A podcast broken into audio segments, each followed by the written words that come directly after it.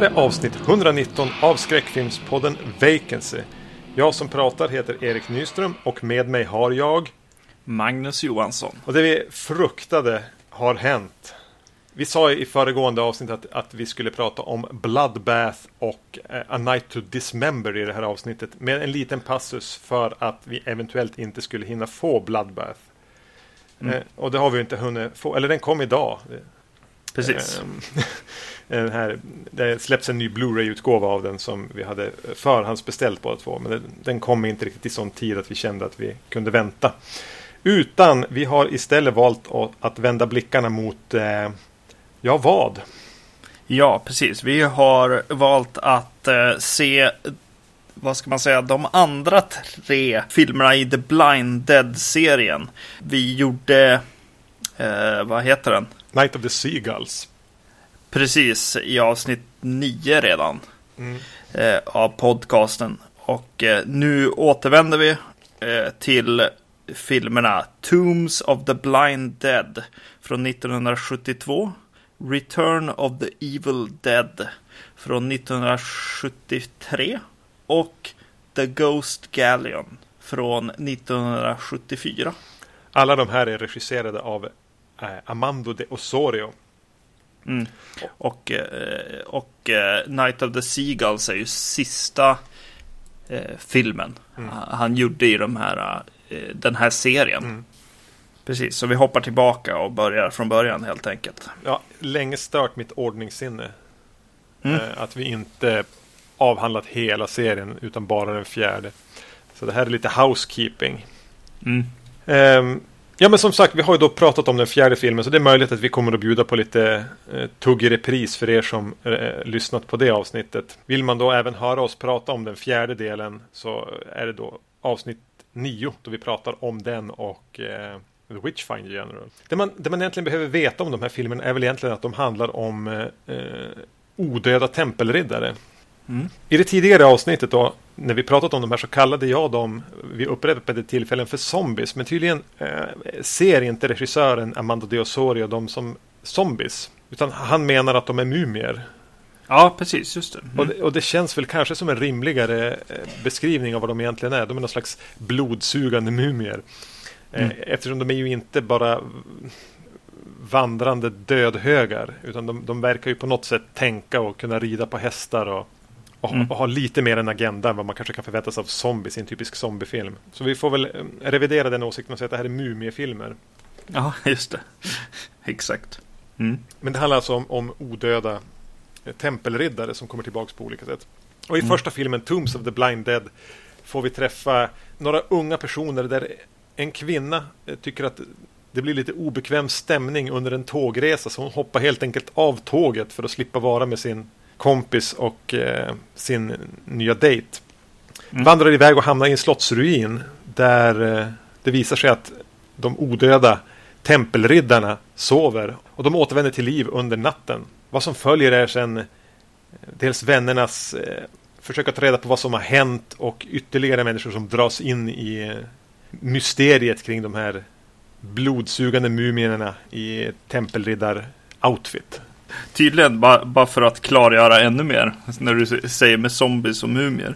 Eh, så tempelriddare blir de tydligen först i eh, textning av och översättning av den här eh, filmen.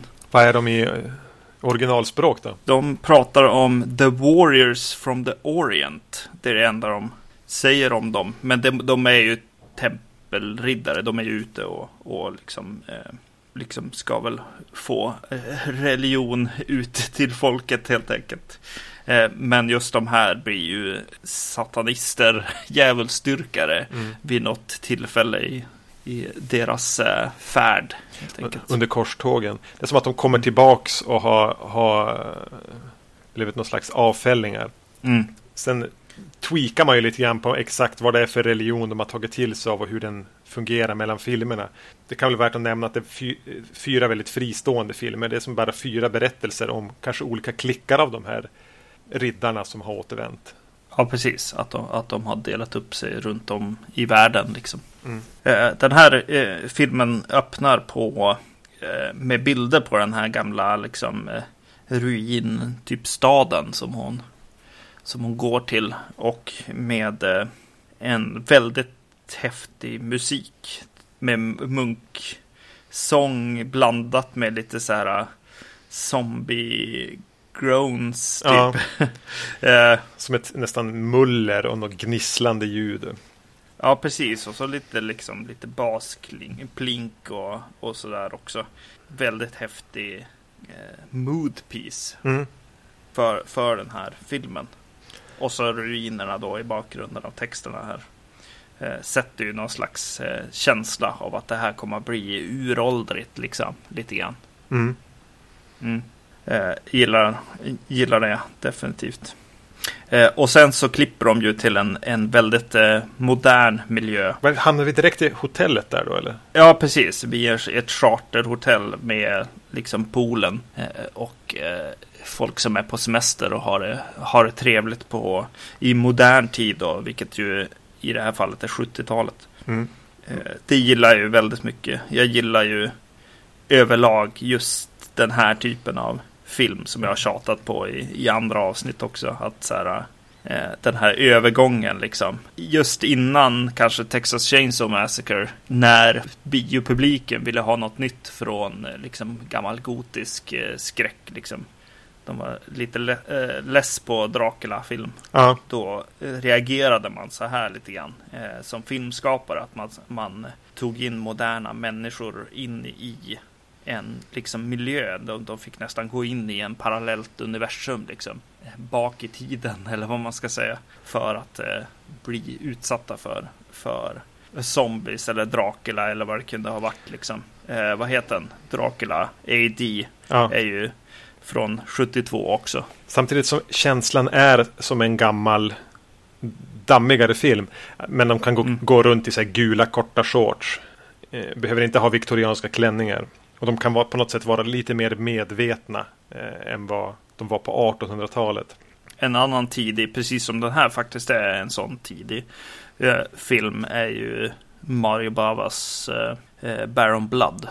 Som ju också är en sån. Mm, den typ utspelas i typ slott fast eh, i nutid. Mm, precis. Det var länge sedan jag såg Baron Blood. Jag ska... Också från 72. Eh, så det känns som det är just, just där och då som, som det här skiftet hände. Kanske hade Night of the Living Dead någonting med det hela att göra också. På ett sätt. Uh, jo, jo. Night of the Living Dead och Texas Chain så brukar väl nämnas som de här som skapar den moderna skräckfilmen. Men det är klart att en, en, det sker ju inte över en natt. Nej, precis. Eh, det brukar ju vara intressanta perioder, de här trevande perioderna när en filmgenre på något sätt befinner sig i ett vakuum och undrar vad som ska bli nästa grej och, och, och, och, och tjäna pengar på, handlar det väl egentligen om. Ungefär som vi har pratat om mycket det här tidigt 90-talsskräck, hur, mm. hur, hur, sökande den kunde vara. Eh, och det finns inget, inget riktigt tydligt, man prövade lite så creature features eller ironiska slashers eller spökkomedier eller vad som helst. Alltså det, men inget som riktigt fäste förrän Scream kom. Mm. Att det är något intressant med att, att, att, att, titta på de filmerna. För de är inte så tydligt en del av en rörelse. Utan det är någonting som varje film på något sätt har en förhoppning om att nu gör vi det nya. Ja, precis. Och här var det väl att man försökte smälta ihop det gotiska med någonting Ja, precis. Nytt, nytt modernt liksom. Ja. Och eh, eh, jag gör ju dataspel eh, till vardags och eh, har alltid ett litet öga på just den här perioden. För att eh, det vore väldigt roligt att göra någonting. Eh, något dataspel som, som utspelas i, i, ja, runt det här 70-talet här. Det finns inget sånt spel? Va? Nej, nej. Det känns som out, outforskad mark. Och jag gillar ju verkligen, så än en gång, att så här, vi får egentligen två, två tillbakablickar på ett sätt. Eh, när man går hit liksom till 70, eh, tidigt 70-tal. För du får ju tidigt 70-tal också. jo, det är ju som trevligt att titta på. Och det är ju förr, mm. numera. Det enda, enda jag, jag, kan tänka mig att jag får problem med, eh, som jag kommer att stöta på patrull, det är ju att eh, Scooby-Doo är lite, lite av det här också. du kommer att bli mobbad där. Mm -hmm. Om, om jag inte kommer och visar upp de här filmerna. Helt enkelt. Eller så är det helt enkelt så att du skulle tycka väldigt mycket om Scooby-Doo om du såg den. Ja, precis. Jo, jo så kan det vara. Eh, ja, oj, nu kommer vi lite off topic fast ändå. Mm. Men ja, precis. Jag tycker med börja se det ganska tidigt att det är en, en regissör som har liksom väldigt eh, visuell liksom ådra i sig ändå. Och, och har ambitioner som är liksom långt över liksom, den här budgeten på något sätt. De är på tåget till exempel då här som du pratade om eh, och eh, börjar prata om ett minne. Och, ja. Hon och en, en bästa kompis. Och eh, då får vi titta tillbaks då, en, en eh, tillbakablick till något slags katolskt flickrum. Eh, där de här eh, kvinnorna, tjejerna, eh, ja men utforskar eh, varandra. Mm. Helt enkelt. Och eh, övergången till den med, med röken och ljudet från tåget. Att det, det går in i minnes bilden. Framförallt i första klippet. Att så här, det kommer egentligen in en, en puff med rök in i det här eh, flickrummet. Mm. Liksom. Eh, och så att, vad det, att sen eh, tåg, tågets ljud också hela tiden ligger som en liksom och ger lite nerv till scenen. Liksom. Jag tycker det är väldigt, väldigt mysigt och väldigt, väldigt ambitiöst för för den här filmen. Och, och jag känner att jag är i någons händer. Ja, men en regissör som jag så här. Ja, men det här kommer jag gilla. Helt enkelt. Men jag tycker man märker det. Eh, att han har en vision. Vad han vill göra. Sen eh, och han har mycket bra idéer. Sen är han ju fjättrad av en minimal budget och kanske även sin egen oerfarenhet som regissör. Att det kanske inte riktigt, han lyckas inte riktigt få fram det han vill av flera anledningar. Mm. Och, men man märker att det här är någonting han vill göra. Eh, han mm. vill berätta det, han har sina idéer med hur han ska göra det.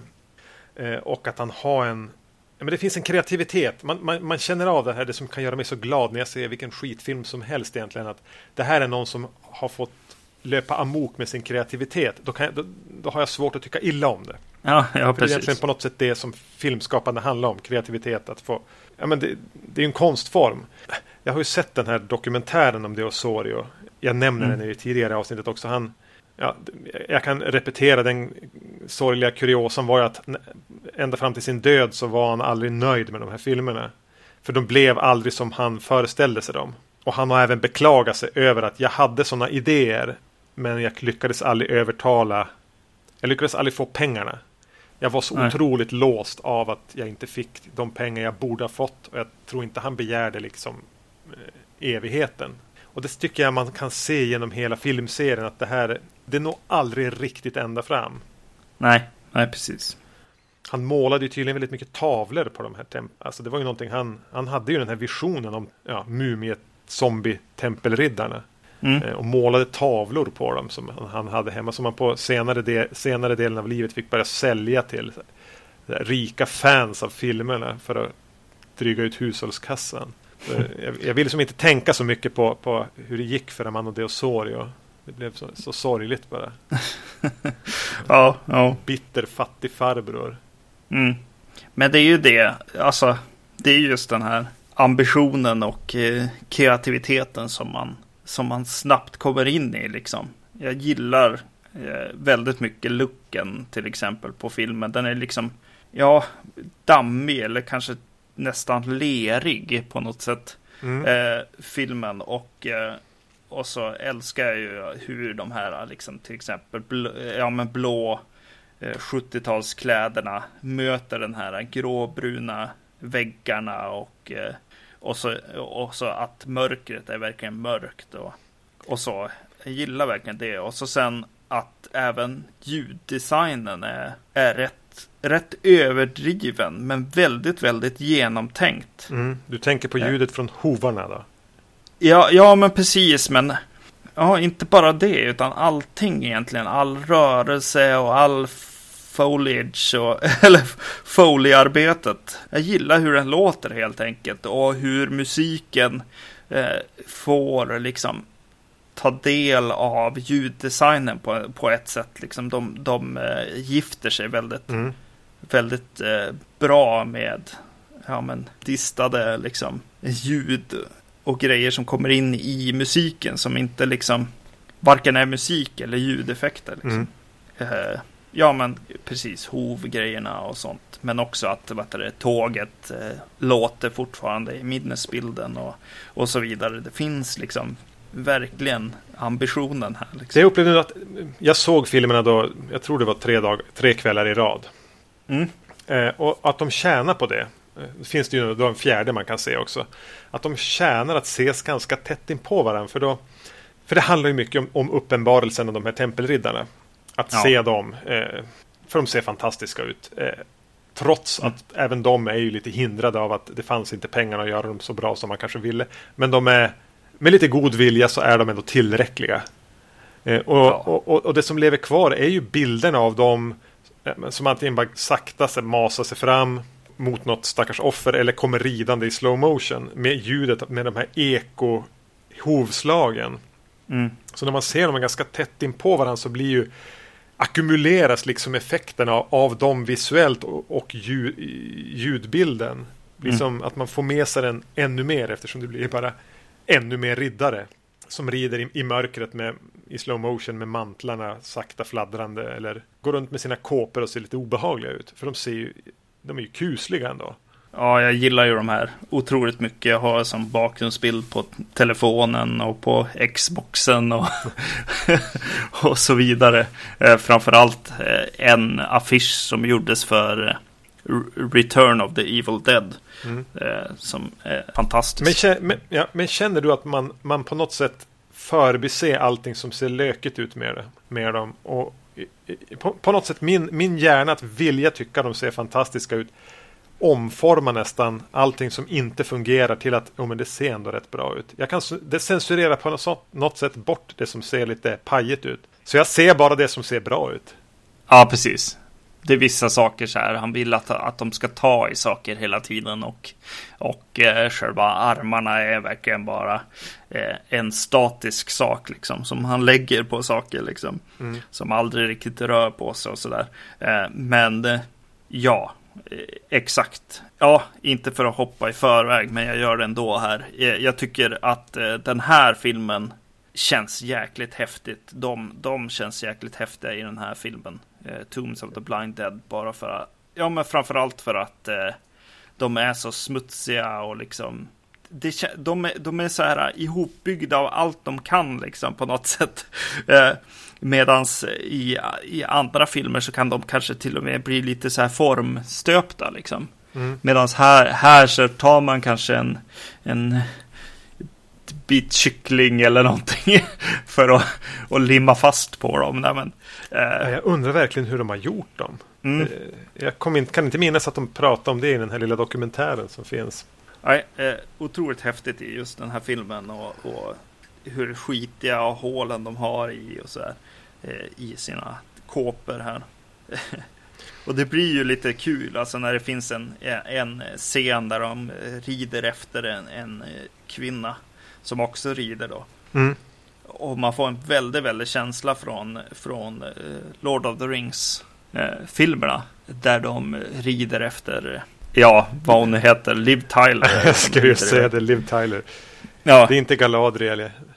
Nej, precis. Den andra. Ja, den andra kvinnan. I filmen, i filmserien, ja, precis. Peter Jackson, han har nog sett Tombs of the Blind Dead ändå, det har han ju. Men eh, ja, jag börjar, jag börjar så här nysta lite grann i, i den här filmen. Kände jag att så här, mer än vad jag brukar göra. Att så här, just den här eh, tillbakablicken med lesbiska Eh, aktiviteter i, i det här flickrummet som har eh, krucifix på väggarna och så. Och även andra scener i, tidigt i den här filmen börjar så här. Jag börjar känna att han vill ändå prata om, om så här, ja men kvinnor, män, kyrkan, mm. sex kontra synd liksom. Kände, för det här kommer jag komma in på, på de andra filmerna. Jag, jag såg teman i filmerna den här gången. Ja. Eh, jag, jag, var inte riktigt med. Jag, jag fångade inte upp det i Tombs of the Blind Dead. Men när du säger det, alltså den där tillbakablicken. det är klart att den kanske är där för att få in lite Eurosleaze. Mm. Eh, men, men när jag såg de andra två så fångade jag upp att båda de två filmerna har saker de vill prata om också. Mm. Eh, men jag kom på det efter jag hade sett den här så jag snappade aldrig upp det här. Men, eh, men mina tankar liksom om just budskapet och, och att de vill prata om liksom kyrkan och, och synen på, på sex och synd och det gamla och det nya på något sätt också. Och vad är oskuld och, och så liksom. Eh, bland annat heter en karaktär Virginia White. mm. Det är det mest oskuldsfulla namnet förmodligen i en film någonsin. Eh, men tankarna kring budskapet liksom blev i slutändan så började jag bara känna att nej, det är nog snarare liksom filmskaparens liksom fantasier om lesbisk sex och eh, våldtäkter och... Mm, vi hamnar ju där. Mm. Att han kanske själv bär på lite problem med sina egna tankar och sin egen synd och kanske gentemot sin tro då, tänker jag. Spännande när katoliker gör filmer. För, för, det blir så mycket skuld i dem hela tiden, skam. Ja, ja precis. Mycket skam från, från själva filmskaparens sida. Särskilt när det är som här som man förstår har vuxit upp under ganska strikta religiösa former. Ja men den här Deosorio eller Fulci eller Bava. Men på något sätt har varit de som har försökt slå sig loss lite grann för att göra ja, men den här typen av filmer. Mm. Att det finns någonting där. Va, vad tror du om Tåg 72? Tror du att de hade så här koldrivna tåg? Ja, alltså tåget känns ju som att det skulle vara från 1800-talet. Eh, Medan riddarna är från kanske då ett 1100-talet. Så det känns jättekonstigt och det är ett väldigt litet tåg också. Det känns som att de försöker göra en brygga liksom, eller en bro mellan tids epokerna här på något sätt. Att så här, vi, vi startar här i, i, vid poolen på charterhotellet. Det modernaste av moderna på något sätt. Ja. Och så sen sätter de sig på det här gamla koldrivna liksom, tåget. Och åker in i den här ja, gamla världen så att säga. Där, där tempelriddare väcks till liv. Liksom. Och samma sak så hennes eh, kompisar då, vänner som ska dit till byn också. De mm. ber att få låna hästar ja. Sant. För att rida dit. Det sättet att ta sig dit måste vara uråldrigt. Du kan inte ta bilen dit. Nej, precis. Ja, lite så. Jag, jag tyckte det var spännande faktiskt. Då. Och en kul tanke på något sätt. Den går ju väldigt mycket i linje med det du gillar med den här typen av film. Alltså med den här eran av filmer. Det gotiska möter det moderna. Exakt. Det blir liksom portalen in mm. eh, på något sätt i den här äh, sfären på något sätt. Men sen tycker jag den har lite svårigheter med hur den är strukturerad. Vi får en väldigt lång scen med hur den här Virginia lång, lång scen när hon går runt i det här eh, övergivna ruinen och så småningom kommer ju då tempelriddarna. Eh, och sen kommer det in lite tafatta polissekvenser. Och så ska som eh, lite av en detektivhistoria som sakta leder till att att hennes vänner också ska befinna sig där tillsammans med några smugglare som blir misstänkta för att det är någon som säger att nej men det finns ju inga tempelriddare. Det här är ju bara några smugglare som använder det här området som bas. Så de, de använder sig av den här legenden för att hålla borta folk. Så då ska mm. några av de här smugglarna, där tycker jag den får lite problem med, med, med struktur och tempo. Alltså den, den, den, rör sig på ett konstigt sätt. Den har ingen klassisk treaktstruktur så. Och för att hålla liv i mitten så har de lagt in en slags eh, Mario Bava-sekvens i ett, i ett eh, skyltdocksmakeri. Ja, väldigt bra. Eh, för det visar sig att om du blir dödad av eh, de här tempelriddarna så förvandlas du även till en slags eh, zombie. Mm. Eh, och bårhuset råkar ligga i närheten av ett dockmakeri, eller skyltdocksfabriken. Mm. Där en karaktär har en koppling till. Eh, ja, då, det, det ja. var nästan det jag, det jag ifrågasatte mest med den här filmen. För det är ändå en, en skräck, eller ett, ett par skräcksekvenser som är baserat på att det här liket eh, väcks till liv och går omkring här och, och bavar referenser och allting. Men det känns som att de tappar liksom poängen på något sätt. Med de här tempelriddarna. Som ja, de glömmer ju bort dem och så får vi en... Det är som att Mario Bava har kommit, kommit in i mitten här för att inte... Ja men för att fylla ut hela mittenpartiet på filmen. och nå, nå, nå, jag menar, missförstå mig rätt. Jag gillar ju Mario Bava och, och, och, och ja, men det han har tillfört eh, mm. den här genren. Men vad gör det här? Ja, precis. Jag har exakt. ingenting emot scenen som sådan, men den känns så otroligt pålimmad. Mm, verkligen. Och så, och så har de liksom, ja, de har en, en scen på bårhuset också där de ska identifiera kroppen från sin kompis. och eh, eh, de får för sig att göra lite humor där med identifieringen av kroppen. När de tar bort eh, liksom, täcket som ligger över kroppen så, mm.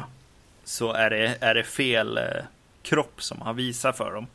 Eh, det är en gammal kvinna först också. Så man tänker bara oj, har hon åldrats? Han jag tänka. Ja, just det. Och så säger man no, that is not. Ja, fast på ja. spanska.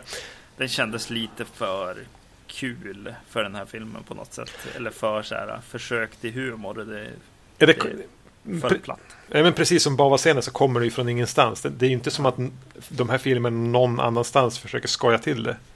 Nej, nej precis. Ja, det är väl det om den, eller? Eh, lite Night of the Living Dead rip-off i slutet. Med så frysbilder eh, på ett mörkt ja, slut. Ja, ja, Eller frys, så fotobilder på ett tåg. Ja, ja jo, jo, det är det precis. Eh, och eh, någonting jag tänker på eh, när jag ser den här numera är att jag eh, när vi gjorde remaken på Gauntlet, det gamla arkadspelet som kom. vi släppte det väl för något år sedan på PC och PS4. För ett år sedan ungefär. Ja. Och eh, då tvingade jag våra grafiker att bygga det här eh, korset som hon sätts upp på i tillbakablicken från eh, eh när man får se liksom eh, de här tempelriddarna från eh, liksom när de levde och levde rövare. Är det typ ett kryss? Är det ett X-kors? Ja, precis. Ett X där. Så om man har spelat Gauntlet och lyssnar på den här podden så eh, kan man veta att det är därifrån som det kommer ifrån. Eh, för jag satt ute i flera banor där som en referens till just den här filmen. Det Osorio skulle någonstans, är någonstans glad i sin katolska himmel då. precis. Ja men precis. Eh, vi, kan, vi, vi släpper Tombs of the Blind Dead och eh, rör ett, ett år framåt i tiden till Return of the Evil Dead. Mm. Ja, de väljer ju att leka med titlarna här hela tiden på uppföljarna, vilket väl är ganska schysst egentligen. Ja. Eh, den har alltså ingenting med, med Evil Dead-filmen att göra, den här. I och med att den kom tio år före dem. Och, och som jag nämnde, det är fristående filmer det här. Den här tar en ny approach till konceptet med, med de här eh, tempelriddarna som återvänder. Eh, här handlar det om en by som ska fira någon form av jubileum. Och eh, en väldigt så här, stenig by. Det skulle kunna vara ruinerna i, i, i första filmen som de här har valt att göra om till en levande bygd. Men det som händer är eh, att tempelriddarna kommer tillbaka för att eh, hämnas en oförrätt. Nämligen att de blev dödade som de kättare de var. Och eh, för x hundratal, hundra år sedan så kommer de tillbaka för att hämnas på hela byn. Precis, och det är ju precis det som byn firar då här. Deras seger över de här tempelridd äh, satanistiska tempelriddarna. Ja, det var det.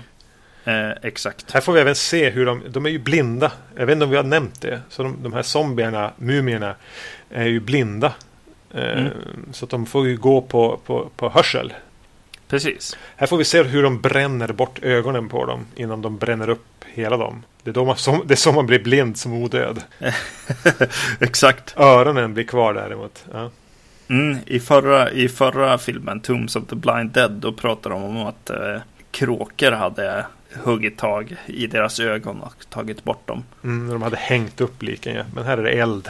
Eh, precis, exakt. Men det är ju olika platser som sagt. Det är ju de här tempelriddarna verkar ju liksom eh, ha varit spridda ganska friskt över Europa. Det som är, gemensamt är att de har det här ankkorset som ett satanistiskt kors.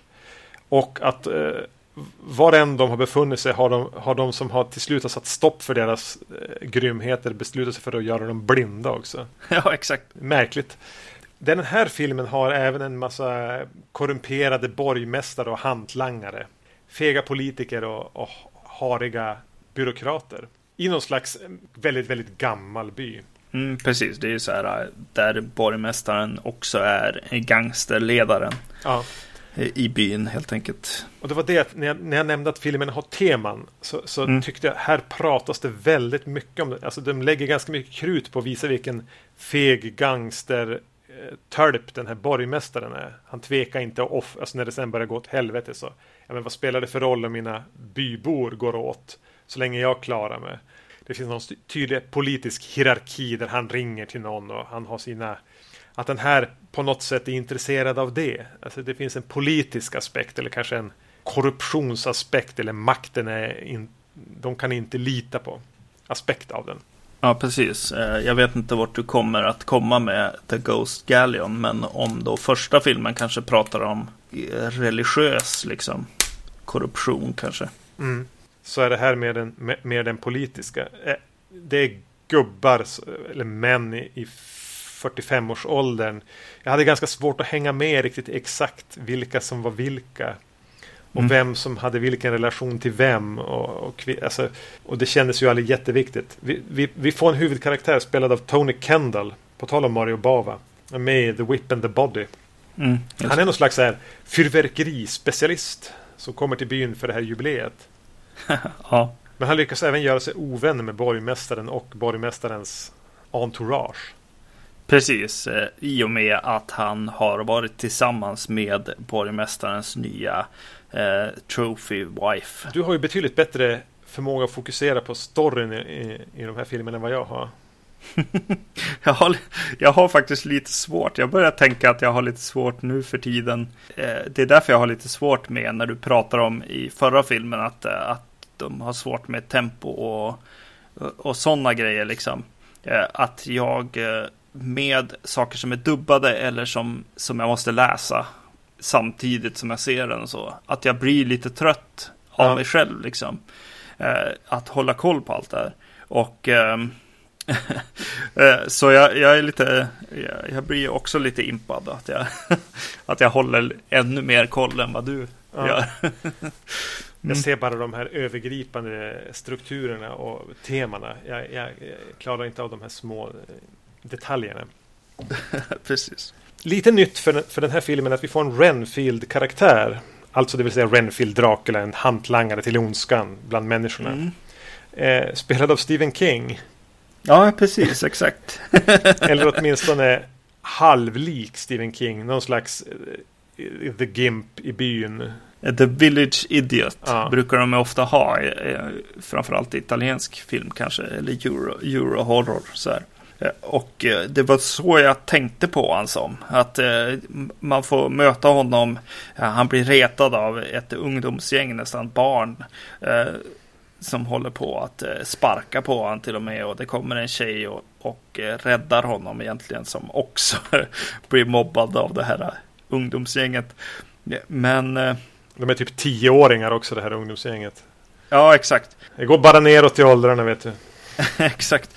Jag tänkte ju då att han skulle vara den, liksom, Village Idiot karaktären som egentligen bara ser saker hända. Mm. Som är väldigt vanlig i, i eh, sån här skräckfilm. Och man ska på något sätt även få sympatier för honom. Ja, exakt. Men han är ju en ond fan. Ja, när han helt plötsligt så här äh, visar sig ha en eh, en eh, kvinna undangömd som han sen eh, snabbt dödar för att väcka de här mumierna till liv. Det blev rätt oväntat för mig kan jag säga. Ja, jag hade sett den här tidigare men jag mindes inte alls hans roll i den. Alltså det var länge sedan jag såg den här. Det var väldigt länge sedan.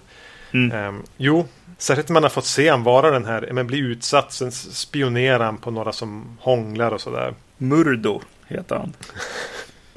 Vilket vackert namn på ja. ett barn. Så det var ju ganska kul tyckte jag. Jag tyckte om hans bara helt plötsliga vändning där. Ja, men jag har redan en flickvän eller vad man säger. Jag har redan en kvinna. Och så, mm. Ha så, har han en som han ska ta död på. Liksom. Ha han i fångenskap. Så här krävs det på något sätt blod från en oskuld, kanske det inte var, men för att väcka de här till liv. Så, eh, mytologin blir lite olika hela tiden. Mytologin är lite...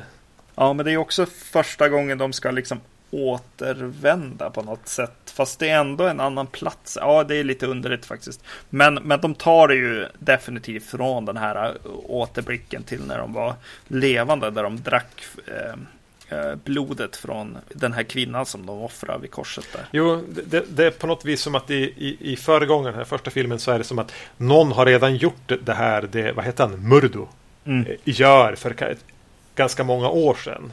Ja, Han har redan väckt upp de här så att då lever de efter sin cykel där de ligger i sina krypter om dagen och sen när de behöver ut och få i sig blod eller kanske när de hör att någon är nära så reser de sig. Eller är det så att i första filmen så är det när klockorna slår så kommer de? Ja, det är ju mer en presentation om att vi är här nu. Ja. Men så konstigt om de bara far upp, far de ut och härjar även om det inte är någon i närheten och bara liksom patrullera området. Kolla om det är någon där. Någon slår ju i klockorna helt klart. Ja, det kanske är en Murdo-karaktär. De har alltid sin Renfield. Ja, Eller sin Murdo. Nu ska vi bara kalla det för en Murdo-karaktär i fortsättningen. Jag stryker här i mina anteckningar och skriver Murdo istället. ja. Murdo. Så, eh, men vet du vilken film det här är? En föregångare till i storyn? Tänkte du på, gjorde du samma association som jag? Vad är det här? Eller vilken film är en rehash av den här? Uh, nej, du, du får säga. uh, The Fog. Ja, jo, jo, jo, jo, men absolut. Jo, jag tänkte på The Fog också. Uh, mycket. För det handlar liksom en, om en gammal oförrätt. Byn är liksom i schism med de här. De gör någonting, de dödar dem. Sen mm. går det x antal år. Och på ett jubileum så kommer de här tillbaka för att utkräva hämnd. Mm. Det är precis, alltså. Jag skulle vilja prata med John Carpenter om det här. Ja, och vi kommer väl ännu vidare skulle jag säga till eh, med The Ghost Galleon också. Mm. Eh, så att definitivt eh, skulle man vilja fråga. Jag var nästan på väg till Twitter faktiskt. För att försöka fråga honom om det. Jag får göra det efter vi har spelat in här. Mm. För jag tänkte väldigt mycket på The Fog. Och att även där, nu ska vi inte spoila filmen kanske, men det är som att när de har gjort det de ska göra så är de nöjda så. Mm. De, har inte, de tänker inte på global illumination. De ska inte ta över världen. De har ett specifikt mål. Det är hämnd. Mm. De ska hämnas en oförrätt. Och det är väl precis vad de har. Nu var det länge sedan jag såg The Fog. Men... Mm. Och de är ju inte helt olik dem. Det är Nej. någon slags zombies som, eh, med övernaturliga element. För zombies, som alla vet, finns ju. Det här är zombies med övernaturliga element. Um, nej men, och de använder sig av svärd. Mm. På tal om att återvända, höll jag på att säga här, eh, är ju att de återanvänder rätt friskt eh, klipp från första filmen i den här filmen. Ja, när de kommer upp i sina kryptor och grejer. Ja, precis. Och de, de lyckas eh, få till att de ska jaga någon på häst och sådär också. Och klipper ganska snyggt liksom mellan klipp från, från uh, Tombs of the Blind Dead och den här filmen. Vilket är lite mysigt på något konstigt sätt, tycker jag. Ja, men det, det, det går lite tillbaka till det här jag sa att de tjänar på att ses ganska tätt in på varandra. Mm. Att då knyts allting ihop och blir lite en, en svit filmer kring ett tema. med de här mm. fantastiskt designade monstren. Mm. Där många detaljer är oviktiga. Att det man har med sig från att ha sett den här sviten filmer är känslan den förmedlar, den visuella spektaklet och allting vad det nu är. Eh, att, att då gör det inte så mycket om man lånar klipp mellan filmerna. Jag vet att när jag såg de här förra gången såg jag dem väl inte så här tätt in på varandra. Men det var när boxen var ny. Jag tror den släpptes 2005. Då störde jag mig på. Jag bara, åh gud så pinsamt. De återanvände, det där klippet känner exakt den där handen som kommer upp ur den där stenkryptan var ju i förra filmen. Gud ändå. Mm. Och där, samma sak med häst, häst, hästsekvensen. Men nu störde det mig inte alls. Jag tyckte det bara knöt ihop det hela lite mysigt. Eh, men eh, jag tycker att det påvisar en grej som jag tycker om den här filmen är att de ser inte lika bra ut. Kul att du säger det. För jag har skrivit så här i mina anteckningar. Ser inte Templars bäst ut i den här filmen? Ah, okay. Ja, Det jag gillar med den här är att de, de gör ju mer här. Här är de ju mer actiondrivna. Mm. Alltså att i första filmen så är det mycket att de bara går eller hasar sig fram emot något skrikande offer. Här sitter de mycket mer på häst mm. och de, de svingar ju även sina svärd från hästar. Alltså det, det, är mer, de har mer klätt upp folk i kåpor här mm. och, och, och svingar svärden. Ja, precis. Jo, det gör de ju. Så de måste använda riktiga armar istället för de här beniga knotorna. Knotiga, ja. be, eh, knotiga benen, beniga knotorna. Mm, jag svamlar. Eh, och på dem hade de satt som någon slags så silver, ser ut som så grillvantar ibland. I silver. Medan ja. här har de, har de varit och typ stulit från någon lajvar eller någonting. Har de mer såna här järnhandskar som jag tänker mig att riddare hade. Mm, mm. Eh, så, så, just den biten att de, de, är rörligare och de får vara mer, gå på slakt mer här. Och de står sen och håller i de här svärden. Jag tror mycket handlar om att händerna ser bättre ut. Ja, det gör det ju definitivt. Och det är inte lika mycket fokus på hur de ser ut i det, lilla, det man får se av ansiktena under kåporna. Eh, det, jag, det jag ogillar här är att eh, de har en ljusare mundering eh, på sig. Mm. Jag, alltså nästan lite renare. Vilket jag inte riktigt gillade. Här och så att de de försöker sig på att sätta skägg på dem, vilket är en riktigt häftig tanke. Men här blir det liksom bara ett löst skägg, lite för ljust eh, mot liksom den lite nästan svarta huden. Det känns som de är på väg någon, någon bra stans, men att de inte riktigt har, har hittat det. Så det känns lite som att de har lös eh, skägg ibland. Eh, men eh, jag kan hålla med om att, eh, att det är skönare i rörelsen. Eh, det känner man ju i, i nästa film att, att eh, där använder de alldeles för mycket det här någon slags Frankenstein bara ha benkoter som bara sticker ut rakt fram liksom. Mm. Som är ganska tråkigt liksom. Ja. Jag vet inte om vi är inne på spoiler-territorium men de gör ju i princip en, en ett anfall mot hela byn till mm. häst. Som är ganska häftig. Ja. Eller att, att de ens vågar sig på det. Där de mm. rider runt liksom i, i, bland de oskyldiga och svingar sina svärd. Jag var inte beredd på den typen. Som sagt, jag hade glömt allting från den här filmen. Det jag mindes var slutet. Mm. Jag tyckte det var en, eh, den vidareutveckling av de här hasande trasorna som, jag behövde. Att nu får vi se dem använda sina hästar. De rider runt och de visar sig faktiskt vara ett hot på allvar. De här är ju mm. farliga. De är inte bara eh, det att de ser så rädda, ser så obehagliga ut att du blir rädd för dem och bara står där och skriker så att de hör vart du är och sen ger sig på det. Utan här kan, visar de att de, de är ju faktiskt gamla riddare.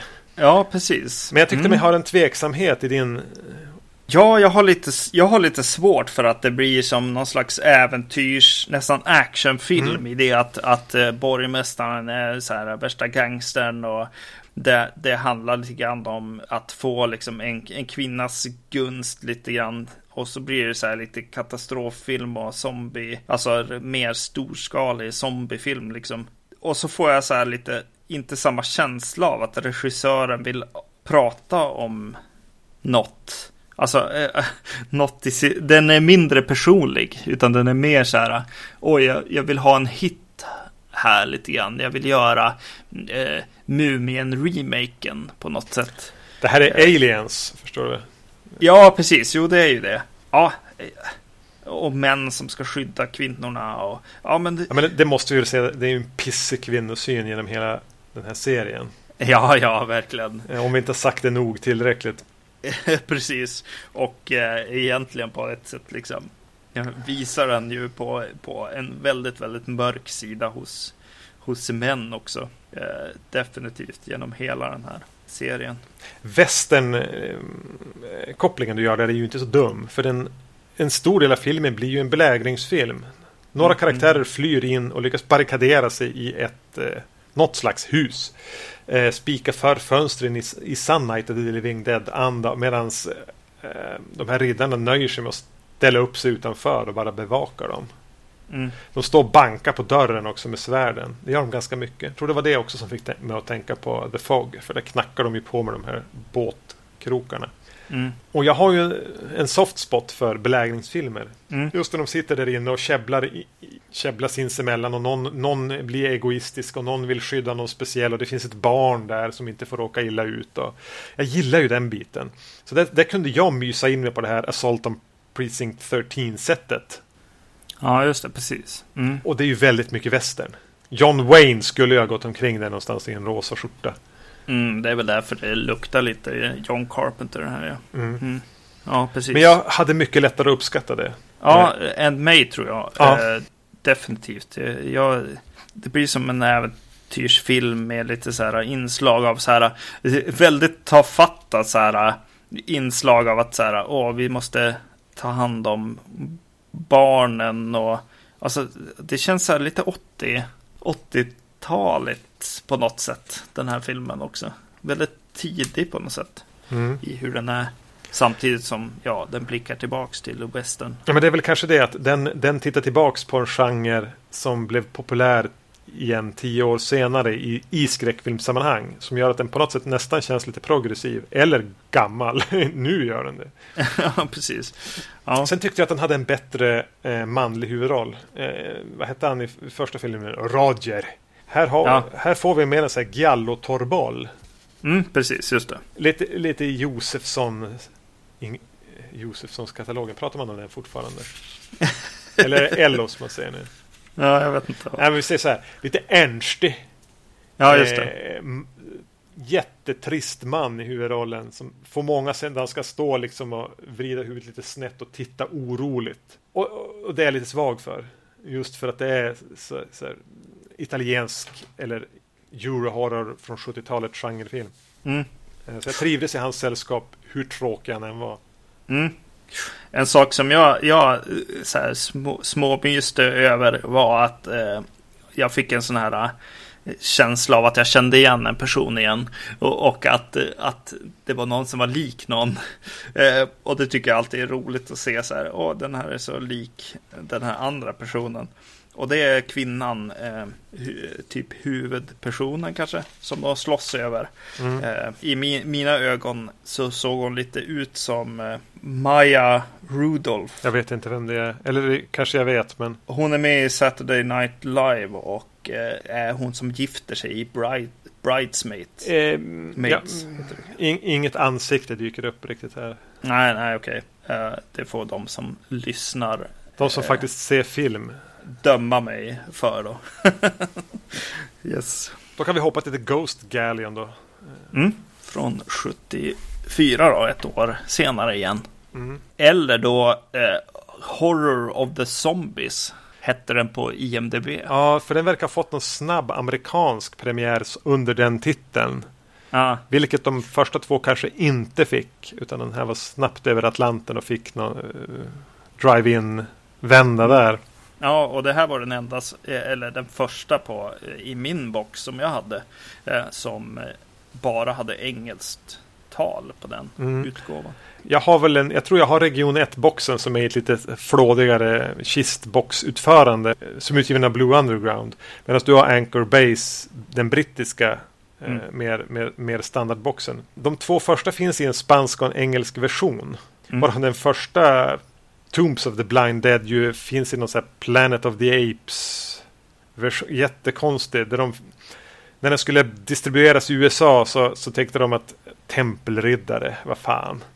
Men vi, vi, vi har den här Planet of the Apes-serien som är jävligt populär nu. Postapokalyptiska eh, apor är poppit, poppis. Om vi lägger in en, klipper bort lite grejer ur den och säger i början att det är, det är zombieapor till häst så, så, kommer den att sälja mycket bättre. Mm.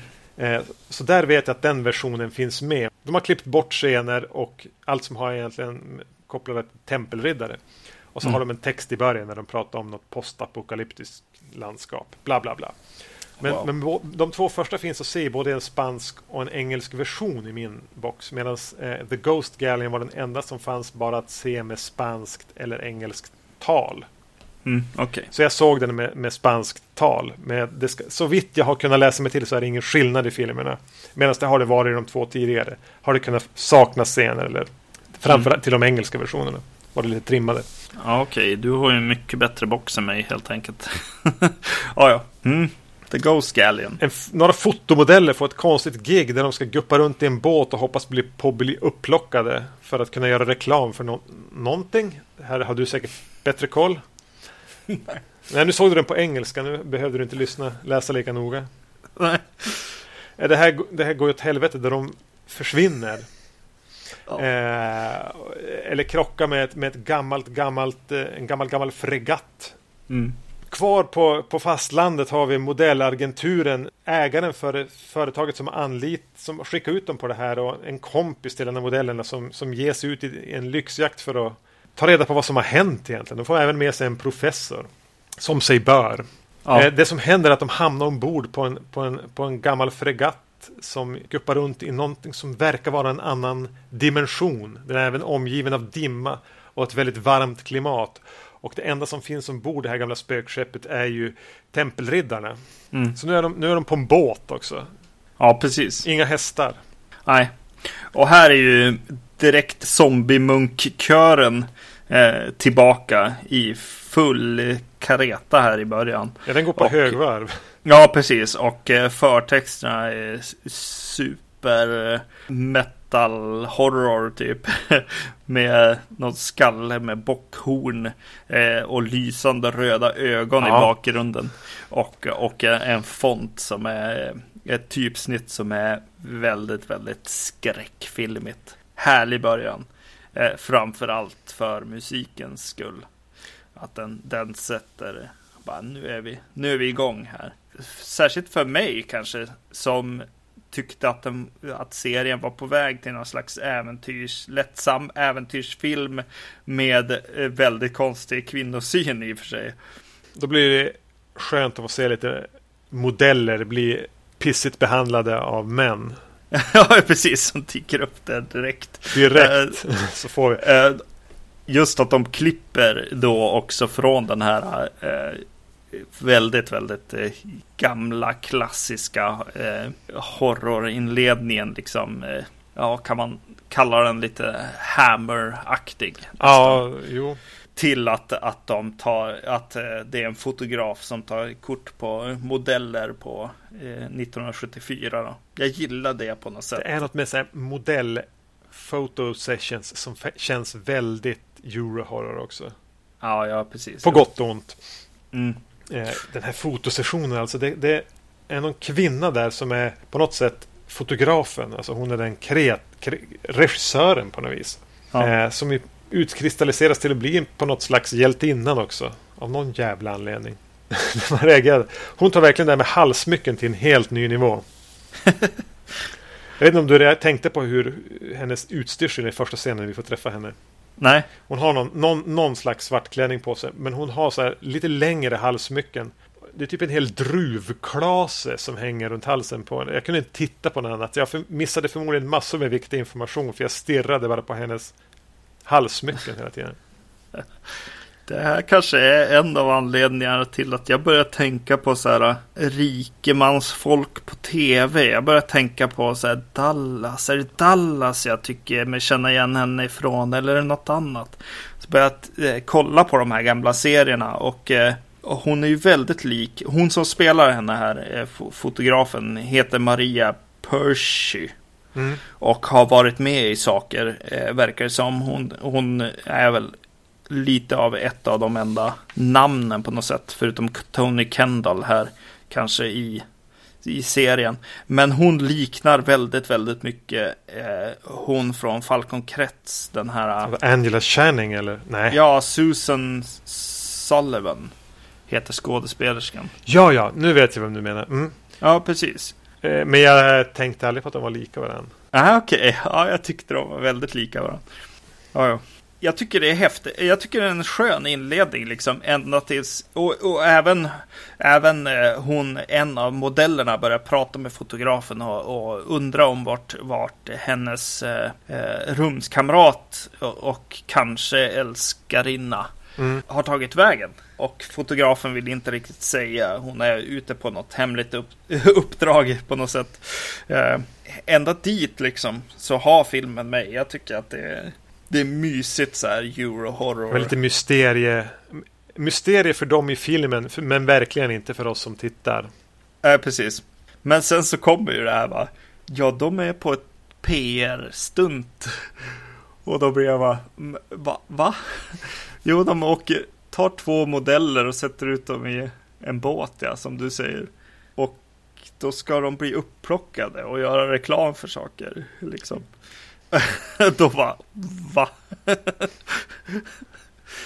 Jag vill på något sätt vilja ta del av den kreativa processen som ledde fram till det manusbeslutet. Ja. Av alla sätt att placera ett gäng människor på en båt mm. eh, som, skulle, som småningom då ska ta dem till det här spökskeppet. Var det en, det enda ni kom på? Ja. Eh, så jag tänkte det, lite grann där att, för här hade vi fått fatt på det. Vänta nu, det verkar finnas tema. Det verkar finnas någonting som Deosorio vill prata om. Ja. Har det någonting med konsumtion att göra? Är han inne på det? Men det överges ju. Det blir ganska fort oviktigt. Istället introduceras vi för en professorkaraktär mm. som pratar, och det blir väldigt mycket prat om Ja, men det här är, nej men ni förstår, det här är en annan dimension. Vetenskapen säger det här. Jag är en praktisk man, jag förlitar mig på vetenskap. Du är en sån, du tror mig. Alltså, den handlar väldigt mycket om... Nej. Filmen handlar inte alls väldigt mycket om det. Men eh, den här professorn är där för att prata om, om just det, det jag som snappade upp som ett litet, litet tema i den här filmen. Det är att prata om att vara rationell vetenskapen kontra tron på något övernaturligt. Hur kan det här övernaturliga förklaras rationellt? Och även när de inser att det här är ju andra dimensioner, det här är ju magi på något vis. Så, jo, men magin fungerar nog så här om vi gör så här. Mm. Han prat, återkommer till den här, han mal liksom på den här professorn om det. Jo, men du är, jag förstår, du är en eh, praktisk man. Och du och jag som förlitar sig på vetenskap, vi tänker alltså så här. Mm. Den har något sånt tugg som verkar vara någon form av underliggande halvhjärtat tema i den. Religion, politik och vetenskap. Politik och vetenskap, mm. ja, kanske. Ja. ja, lite grann så är det ju. Och jag, jag vill ju hela tiden se att han eh, spelas av Lucio Fulci. Men det gör han inte tyvärr. Nej, han hade väl det är lite, lite för stor roll, men det är lite en Fulci-professor. Jag tänkte ju annars att Fulci-professorn fanns i första filmen. När de är på ett bibliotek och pratar med någon som får berätta om vad, vad, vad, vad riddarna här handlar om. Ja, just det. Ja. Inte det minsta lik Fulci utseendemässigt, vilket den här i The Ghost Gallen i, i större utsträckning är. Men... Nej, precis. Nej, det är sant. Jag tänkte också på honom just i biblioteksmiljön. Ja tänker man på Fulci på något sätt. Men ändå, det är lite kul. Vi, nu har vi varit och, och, på landsbygden och så i en liten by. Så varför inte ett spökskepp? Liksom. Det, jag är helt med på den idén. Nu, låt ja. riddarna ha... Det är klart, de tog sig till sina, på sina korståg via båtar. Det är klart att de gupp, guppar runt döda på någon båt någonstans också. Mm. Eh, så det är jag med på. Jag störde mig väl inte lika mycket som dig på det här med att det skulle vara ett PR-trick. Ja, precis. Men här får han ju full kontroll på inte bara designen på karaktärerna utan han får, han får faktiskt eh, en byggd inspelningsplats eh, och får använda set design på samma sätt som han har designat de här skeletten liksom. Och det är ju på något sätt trevligt att se. Det är roligt att se att han, ja, han får måla på hela duken helt plötsligt på något sätt. Även om jag tycker att ruinerna i, i första filmen är, är väldigt eh, coola och passar liksom eh, med de här karaktärerna. Mm. För när de väl är ombord på båten så ser den ju schysst ut. Mm. Eh, alltså det är mycket, mycket så rep och, och, och trossar som hänger Ja, den är gjord av trä och det ser här härligt dammigt ut och det hänger något tygsjok och det är spindelväv och, och ja. den på något sätt så antar, får den ju så här mardrömslika kvaliteter att de här få karaktärerna som är på båten på något sätt kommer ifrån varandra eller irrar ifrån varandra. Och de ja. somnar också. Alltså det, de säger det här är ju inte en verklig plats, säger de flera gånger. Och det är det ju inte. För det, det, det är ju ingenting som hänger ihop riktigt där inne. Eh, jag tycker jag fick lite Fulci-vibbar av den där båten och sättet han komponerar bilder med att låta det hänga ner något rep i förgrunden som de har ljusat på ett visst sätt. Då. Ja, precis. När Fulci blir lite Lovecraft igen. Ja. Mm. Ty tyvärr, alltså båten. Eh, så filmar de ju, får vi ju utifrån bilder på, den här, på det här spökskeppet. eh, och det, Alltså det är så Det är filmat i mitt badkar. I ja, princip. precis. Ett, man kan se dig i bakgrunden. Försöka, försöka bada. Alltså det ser så erbarmligt uselt ut. Alltså det är verkligen någon, någon som har snidat någonting i träslöjden, satt ner i badkaret och, och, och, och bara hoppas om vi släcker lyset så gör det ingenting. Eh, för det är ja. ingenting som stämmer. De har liksom, det som händer de här PR-modellerna, att de, de krockar med den här båten och liksom ankrar sig fast vid den och så får man se en och en klättrar ombord för att kolla vad det är medan en blir kvar. Mm. Hon tittar upp på båten så, titt, så titt, får man se hennes blickriktning, titta upp på den, klipp till en bild som uppenbarligen är så 30 meter från båten från sidan. Mm. Det, det, stämmer inte med de bilder de har på båten i förhållande till blickriktningar. Det är så otroligt uppenbart Eh, en modell. Vattnet stämmer inte. Och jag var förberedd på det när jag såg den här gången. För jag har ju sett den tidigare och då, då, klar, då kunde jag knappt se filmen. På grund av hur de här klippbilderna på båten utifrån bara ryckte med ur den. Det gick ja. bättre den här gången. Och jag skyller återigen på att jag såg filmerna så, så här, som en, som en, en svit. att ja. det fungerar bättre då. Men, men det, det är för dåligt. Ja det, det, det, saboterar ju den här, det, den här filmen skulle kunna ha. Eh, för, för mig hamnar den ett trycks den ner av de där fruktansvärda effekterna. Mm, mm. Och Sorio har tydligen pratat om dem också som ja, han skäms. Ja, ja men ja, han har ju alltid ambitioner på något sätt också. När de börjar åka, komma närmare så kommer de in i den här eh, dimman då. Eh, som än en gång får en att tänka lite grann på The Fog. Mm. Eh, och eh, det är ju ändå, alltså det är inte bra effekter egentligen, men det är effekter. och det blir jag lite impad av. Ja. Jag, jag, sitter och myser lite med, eh, med hans ambitioner på något sätt. Och så har han ju lyckats mycket bättre här tycker jag med själva ansiktena på dem, eh, mumierna. Mm. Även om det är till bekostnad av att de ser lite lika ut de ser mycket mer likadana ut än i Tombs of the Blinded-filmen. Eh, formstöpta lite grann. Fast eh, de har fått till skäggen perfekt nu i alla fall. Eh, genom att göra dem svarta helt enkelt. Mm. Så att de smälter in i, i, i de här maskerna eller vad det nu är som sagt. Det måste ju ändå ha varit så att det du inte gillade med hur, hur de såg ut i uh, förra filmen är att de hade varit tvungna att anpassa dem för att de faktiskt skulle gå att röra sig.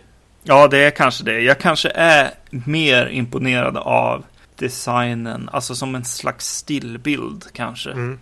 Ännu mer än, än i rörelse i filmerna. Jag, jag gillar ju mest när de kommer ut genom en dörr och man får en liten närbild på dem och så bara, åh vad härligt.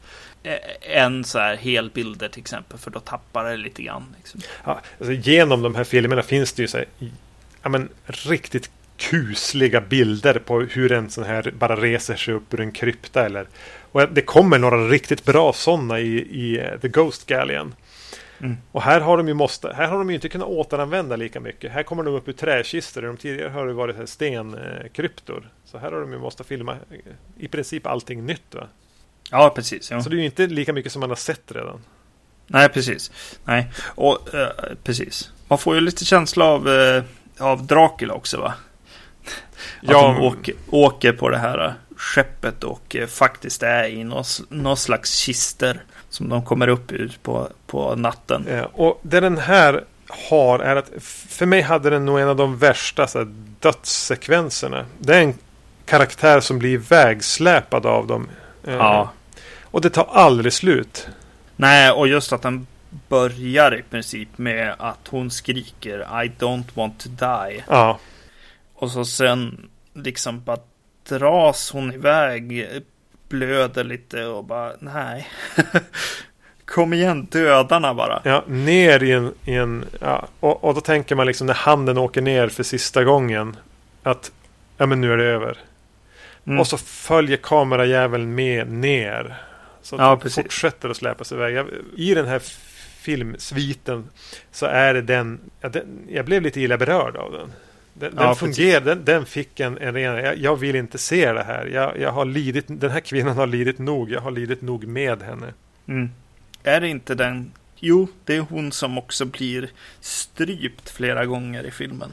Ja. Två gånger får hon händer runt, runt halsen. Hon blir även våldtagen. Mm. Vilket kvinnor ska bli i den här, de här filmerna.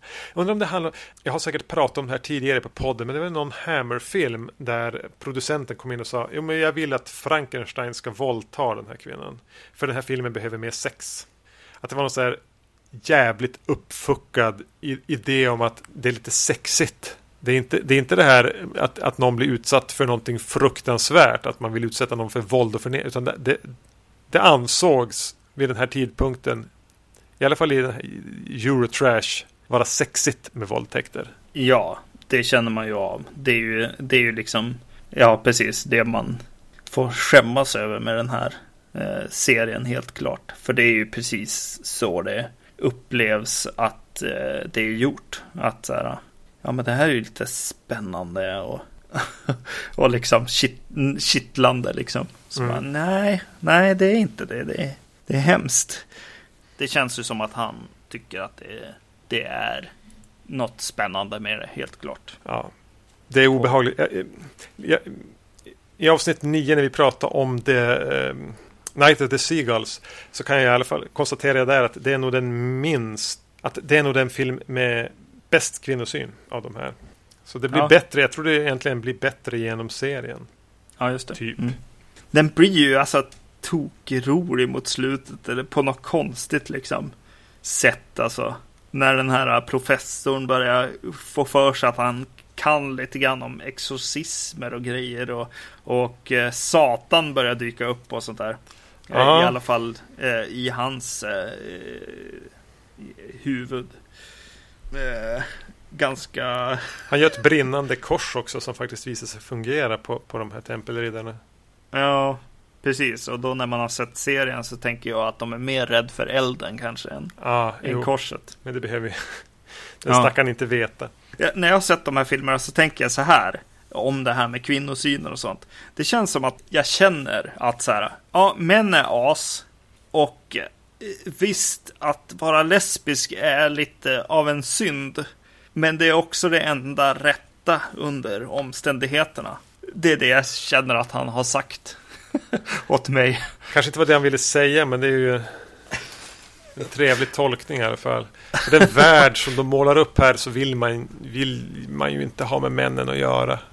Nej. Och nej. den ligger väl kanske inte så långt från den verklighet vi lever i som man skulle önska heller. Nej. Jag upplevde ändå att den jobbar lite grann med saker som återkommer. Eh, du nämner det här med det finns lesbiska undertoner i, i första filmen och, och i, i, i den här tredje filmen blir det det. Ja, och i andra filmen också va? Ja, Håller inte de på att flörta med? Nej, de, de slåss med varandra. Ja, Två kvinnor Precis. som han verkligen gillar. Mm. Också mm. han som gör eh, filmen här.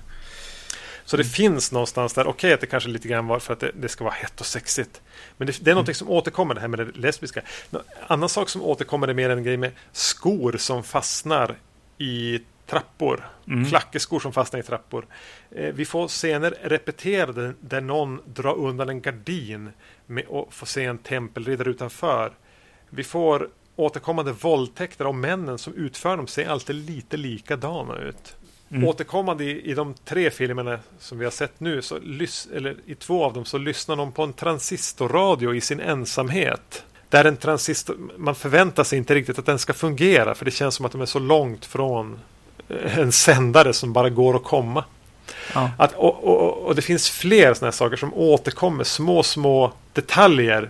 Som antingen kan handla om att, att Osoria bara återanvänder grejer. Men vissa av dem är så triviala att jag tänker att han, han gillar det här. Han gillar det här. Han vill ha med det i fler filmer. Han vill Vi, göra det rätt kanske. Ja, göra det tills det sitter. Jag tänkte ja. mer på, på det som George Lucas alltid blir, blir, blir så bespottad och hånad för att han har sagt. It's like poetry, it rhymes. Att på något sätt så knyter ändå Osorio ihop sitt lilla filmuniversum genom att låta sådana här saker hända om och om igen. Det är någon som ska fastna med en klackig sko i en trapp och lämna skon efter sig. Att, att, att två karaktärer i liknande situationer två gånger i de här två filmerna väljer att liksom lägga sig för att halvsova och lyssna på en liten, liten transistorradio. Ja. Det, det är något han gillar med det. det. Det tar ihop det här. Det tar ihop hela Blinded-filmerna. Mm. På ett ganska trevligt sätt. Eh, ja. Att den sen åter, ha, återanvänder våldtäkter är inte lika trevligt. Nej. Men, men det är fyra ganska splittrade filmer som, som blir en enhet. Kanske lite grann med hjälp av tur och slumpen, men även tack vare att Deosoria har haft en... Han låter det, sin, sin kreativitet och det han vill göra, det han vill säga flöda in i filmerna. Mm. Att han sen inte lyckas realisera det fullt ut någon gång kanske ens. Får man ta. Och vet du vad jag blev glad över av att se de här tre nu? Nej. Jag blir, kommer ofta på mig själv med att sitta och titta på Bergman-filmer nu eller filmer som är bra på riktigt och tänka är det bara sånt här jag gillar nu? Har jag blivit liksom en gubbe? Eh, som jag nämnt, liksom, är det bröderna Coens filmer som är det jag gillar nu? Ja. Har, jag blivit, har jag blivit för fin kulturell? Eller, och så ser jag de här och trivs som fan med alla tre. Även om jag definitivt ser bristerna med dem. Så är det som så skönt att känna att ja, men, jag har inte dött inombords. Jag kan fortfarande mysa och vara barnsligt förtjust i att sitta och titta på The Blinded-filmerna. Mm. Och se styrkorna i dem. Ja. Och det kändes så jävla viktigt att få den påminnelsen. Jo, men jag gillar ju sliset. Jag gillar ju Eurotrash. Jag gillar ju ändå bitvis kass skräckfilm. Jag är inte bara en, en tråkig cineast. Precis.